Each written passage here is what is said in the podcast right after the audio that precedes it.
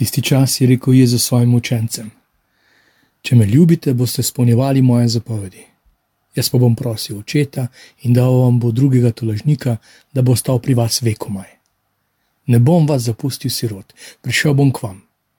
Še malo in svet me ne bo več videl, vi pa me boste videli, ker jaz živim in živeli boste tudi vi. Glas pastirja. Živi, že šesta velikonočna nedelja. Božja beseda nas usmerja na dva velika praznika, na nebohod in binkošti. In spet gre za isti princip kot pri vseh praznovanjih. To niso sanske poroke, nepozabna noč, vrhunec doživeti, preplet romantike in kulinarike. Vsi ti prazniki nas povedejo na pot. Na nek način nas pripeljejo na rob ali do praga, potem pa vstopamo. Postni čas nas pripelje do roba mojega, da končno sprejmem Božje. Jezus vse post postavlja očeta pred sebe, da potem v javnem delovanju ničemer ne zasenči očetove volje, da bi je ne spregledal. Ali pa se samo malo pozaval s svojimi prijatelji, eh, malo se spozabil s človeškimi sinovi. Se to ne zgodi. Advent nas pripelje do jaslic. Pa ne zato, da bi tam z rosenim očesom občudovali skromnost tega malega bogca ampak nas spravi na eno koleno pred veličino Boga in v drugem koraku nas že isti trenutek prebuja iz sna, da takoj gremo, tokrat po drugi poti in v tujino. Božič nas ne navaja samo na prijateljstvo z Bogom. Malo se bomo šli krščanstvo, malo zakramente. Božična skrenost nas poglablja v držo darovanja, posvečevanja in slavljenja. Bog je v spredju, Bog je v središču, ne gre za me, dragi kristjan, ne gre za me. No, in recimo velika noč, v tej noči se razodene, kdo sem brez Boga. Kako je, ko sem okraden Boga, oropan Boga, ko mi ga vzamejo, nenadno ali pa počasi, ko me vzgajajo, da Boga ni, ali da je vseeno, katerega Boga kličeš, slaviš, mu služiš ta noč se naseli vse moje noči in moj dan postane noč, brez Boga, svet brez Boga. In hodim v šolo, se zaljubljam, delam, garam, goljufam, uspevam, zmagujem. Vse te, te, te male kolajne, ki jih že naslednji dan pokrije prah tam pod posteljo. In veliko nočni čas mi razodene bližino sobrata, sestre, matere, ki ustvarjajo prostor spomina, in krepenenja, in so z menoj vred kamni, ki jih vzidava v svojo crkvo. Velikonočni čas je čas, ko se razodevajo največje groze. Kaj je hujšega, kot biti brez Boga? Ali pa ubiti Boga, ali pa grozno biti cena, zaradi katere je umrl Bog. In to je čas krepenenja, sous, upanja po Bogu, živem Bogu. In vse to pripelje na rob.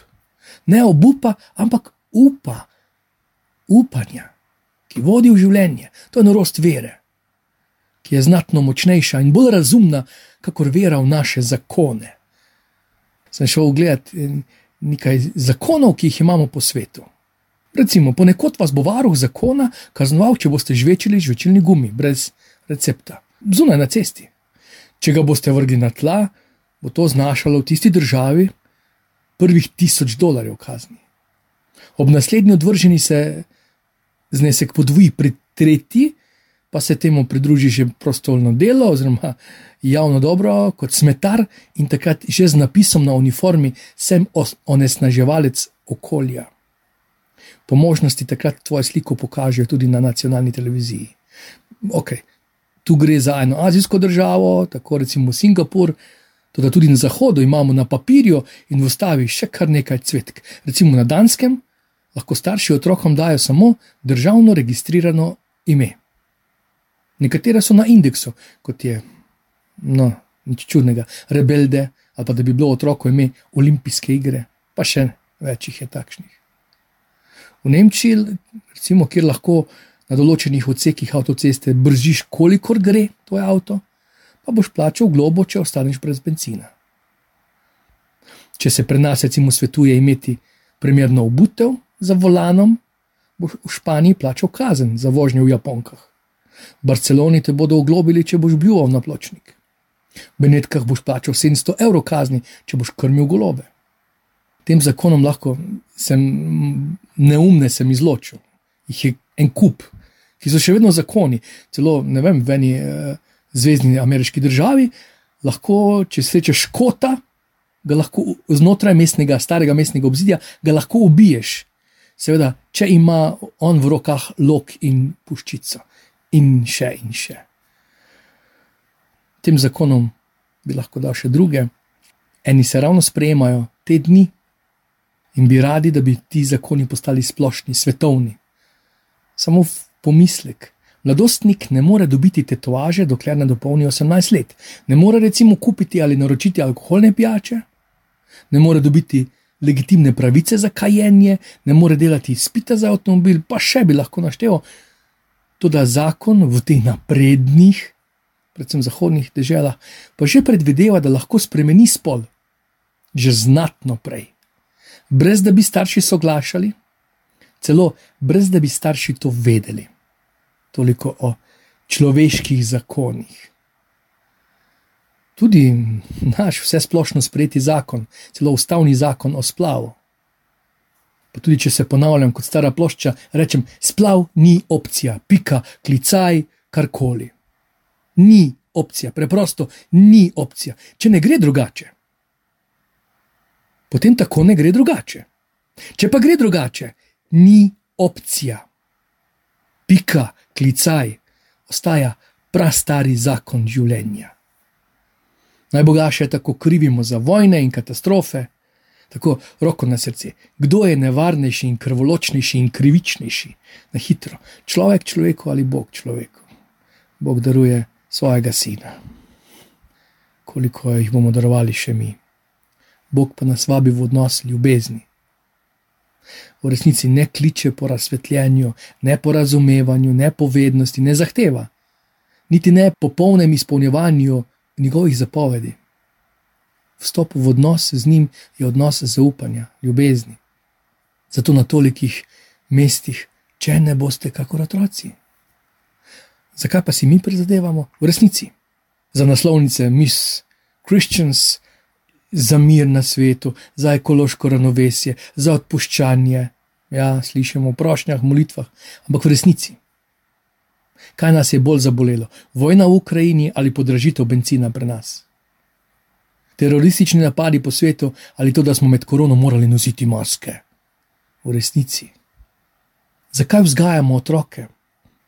Da bodo uspešni, da bodo močni, samostojni, da bodo imeli denar, da bodo zdravi, da bodo živeli v blagostanju, da si bodo lahko kaj privoščili, več kot mi da bodo lahko potovali, in tako naprej. Uspeh ti ne da miru, moč ti ne da miru, denar ti ne da miru, užitki ti ne dajo miru, zdravje, celo zdravje ti ne da miru, luksus ne, ti ne da miru. Mir je v Jezusu Kristusu.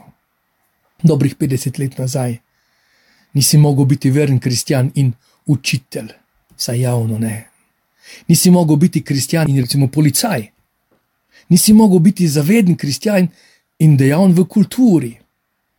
Potem se je pojavila podgana v Marine naročju, pa zdaj se je pojavila Jezus, pribita na zabojih piva, vrlih študentov.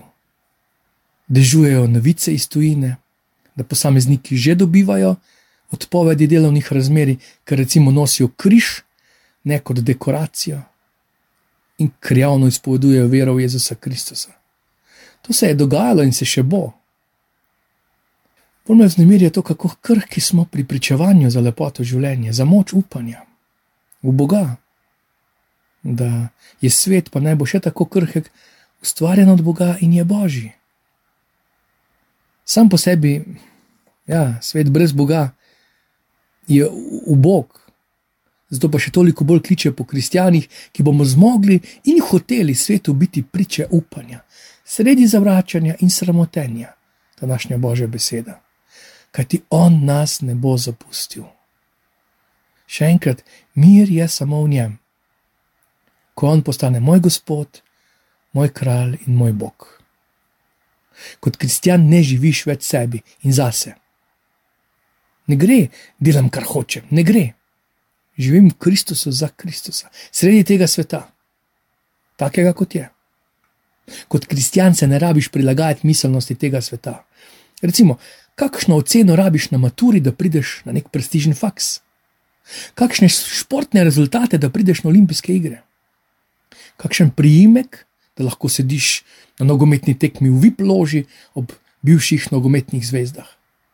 Koliko denarja v denarnici, da lahko kupiš športni dirkalnik? Omejene zbirke. Kakšen recimo zdravniški izvid, da lahko poletiš v vesolje?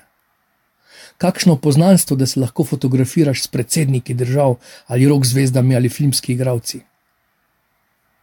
In če stopnjujem, kaj pa je potrebno, da si poleg Boga ali pa da te ima Bog za svojega, da me ljubiš, pravi Bog. In ne rabiš biti imitacija drugih, prilagajati se drugim, vse dati za to, da bi mi uspelo to, kar sem prej naštel. Blaženi Karlo Akutis, ta deček, svetniški, je rekel: Vsi se rodimo kot originali, mnogi pa umrejo kot kopije. Posnemajmo Kristusa. Ne pripadam drugemu, ne pripadaš nikomor drugemu, kakor Kristusu. Ti pripadaš Kristusu. Vse dobro, obteži.